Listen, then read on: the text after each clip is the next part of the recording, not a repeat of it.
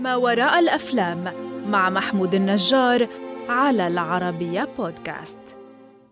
الفيلم النهارده بيحكي عن راجل فجأة لقى نفسه الأب والأم لطفلة أمها سابتها ومشيت بعد ولادتها على طول وتبدأ بقى معاناته في تربية الطفلة دي لوحدها.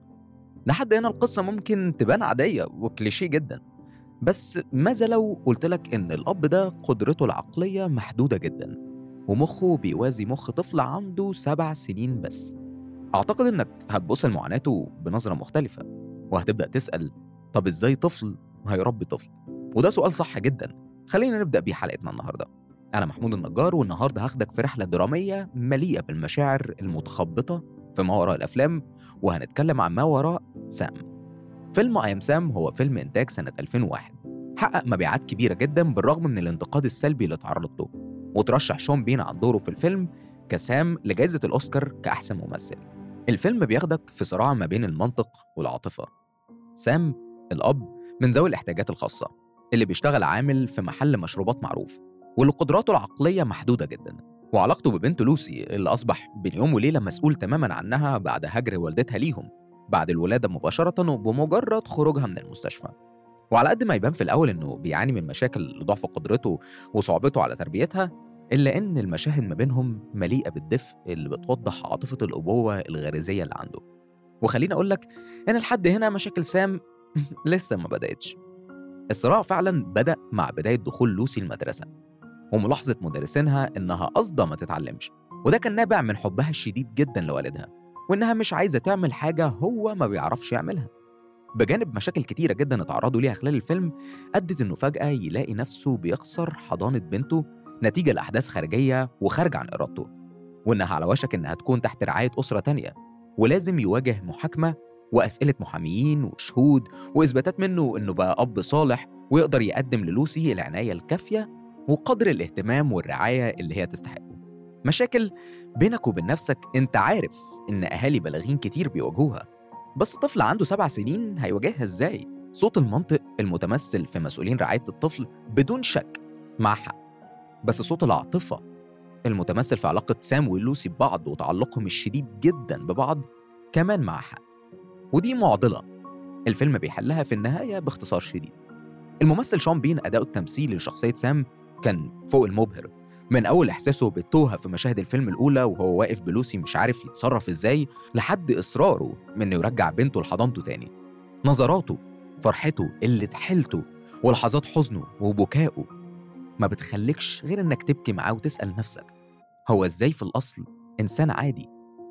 هي دي درجة الصدق في المشاعر اللي قدر شون بين يوصلها للمشاهد. الفيلم كان هدفه الرئيسي يقولك ذكائك العقلي حلو بس مش كفاية. يعني مش العكس. لا في الفيلم أنت بتشوف نموذجين لنوعين مختلفين تماما من البشر. سام اللي بيعاني من اضطراب عقلي لكنه في نفس الوقت بيملك قدر كبير جدا من الذكاء العاطفي واللي مش بنشوفه بس مع لوسي بنشوفه كمان مع أي شخص في محيطه. فمثلا من المشاهد اللي وضحت ده بقوة كان لما ريتا المحامية المسؤولة عن قضيته بدأت في العياط وقالت إنها مش شخص كامل ساعتها رد فعل سام كان إنه إنه حضنها. على قد ما يبدو للمشاهد إن ده رد فعل مبالغ فيه شوية لكن دي فطرته ده اللي هو بيفهمه. وفي مشهد تاني لما ريتا كانت بتشتكي من زوجها وسام قال لها تسيبه بهذا القدر من السهولة سام بيتعامل مع العالم اللي حواليه. أنت متضايق من شخص وجوده مخليني غير سعيد ليه يفضل موجود في حياتي؟ سيبه. غير تواصل سام بالناس عن طريق إنه يقول لهم إنه طلبهم كان اختيار ممتاز. كمان في مشهد ما بينه وما بين لوسي لما قدمت مشروعها في المدرسة قدر التشجيع اللي ظهر ليها على عكس آباء تانيين كتير جدا كانوا بيعنفوا أولادهم على أبسط الغلطات. وأخيرا لما لوسي سألته أنت غير الآباء التانيين؟ ليه ربنا خلقك كده؟ ولما بدأ في الاعتذار وضحت له إنها مش متضايقة منه. بالعكس هي مبسوطة إنه بيديها الإحساس اللي هي محتاجاه. على عكس الآباء التانيين اللي مش بيعملوا كده واللي كلها مؤشرات على ذكاء سام العاطفي. وعلى النقيض تماما بتشوف ريتا المحامية الشاطرة الذكية الناجحة جدا في شغلها. ولكن بأقل وصف يقال علاقتها بابنها فاشلة تماما. يعني ذكائها العاطفي والمنطقي الكبير ما خلاهاش تقدر تكون أم ناجحة كفاية لأنها تفتقر للقدر الكافي من الذكاء العاطفي.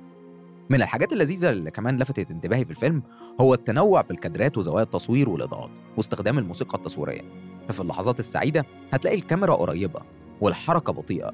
الإضاءة مبهجة وكمان الموسيقى التصويرية بتديك إحساس خفي إنك عايز تبتسم والنقيض تماما. وقت الاستجواب والمحكمة وغيرها من المشاهد اللي بيغلب عليها الإضاءة الزرقاء اللي بتوصل لك الإحساس بالمود الكئيب والمسيطر على الموقف. وهنا أنت بتعرف إن الفيلم الناجح ما بيقومش فقط على ممثل شاطر لكن على كل العناصر والأدوات اللي بتكون بتخدم وبتخدم على المشهد علشان المشاهد يعيش كل لحظة فيها كأنها حقيقية.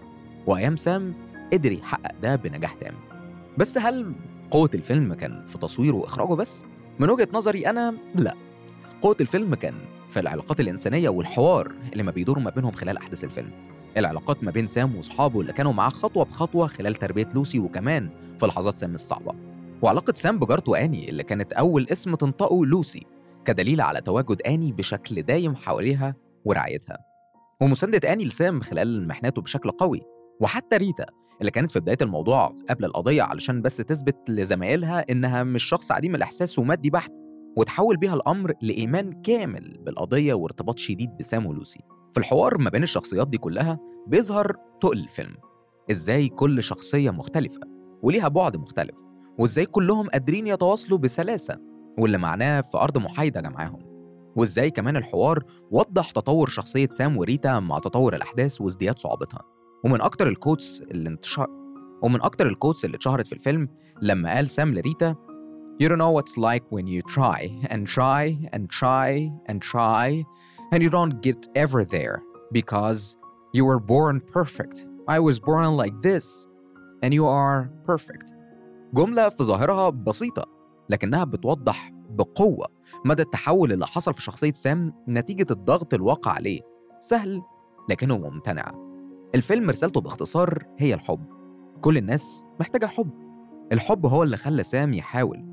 هو اللي خلى أصحابه يساعدوه. هو اللي خلى سام والقضاة مسؤولين رعاية الطفل والأسرة الراعية للوسي يقدروا يفهموا ويشوفوا الدنيا بعيون بعض ويوصلوا مع بعض الحل وسط في الآخر. الحب مش الحل لكنه الوسيلة اللي هتساعدنا نوصل للحل. ومش بس الحب تقبل الآخر وتقبل اختلافاته. مش شرط نبقى كلنا شبه بعض ولا شرط نكون بنتصرف بنفس الطريقة ولا نتعامل بنفس الأسلوب. تقبل اختلافاتنا هيخلق مساحة تفاهم كبيرة. مش المفروض نحكم على الأشخاص من مظهرهم لكن نشوف جوهرهم إيه. وده اللي حل معضلة الفيلم كلها. حتى لو الحل من وجهة نظر النقاد كان غير منطقي أو غير واقعي لكنه حل إنساني بحت حل راضي جميع الأطراف. المشاهد العقلاني اللي مش هيقبل غير بالحل العقلاني والمشاهد العاطفي اللي مش هيتحمل فراق الأب وبنته. لو شفت الفيلم دلوقتي قول لي أنهي مشهد في المشاهد ولأي مدى النهاية كانت مرضية بالنسبة لك ولو لسه ما شفتوش فأنصحك ما تضيعش وقت أكتر من كده وتشوفه دلوقتي.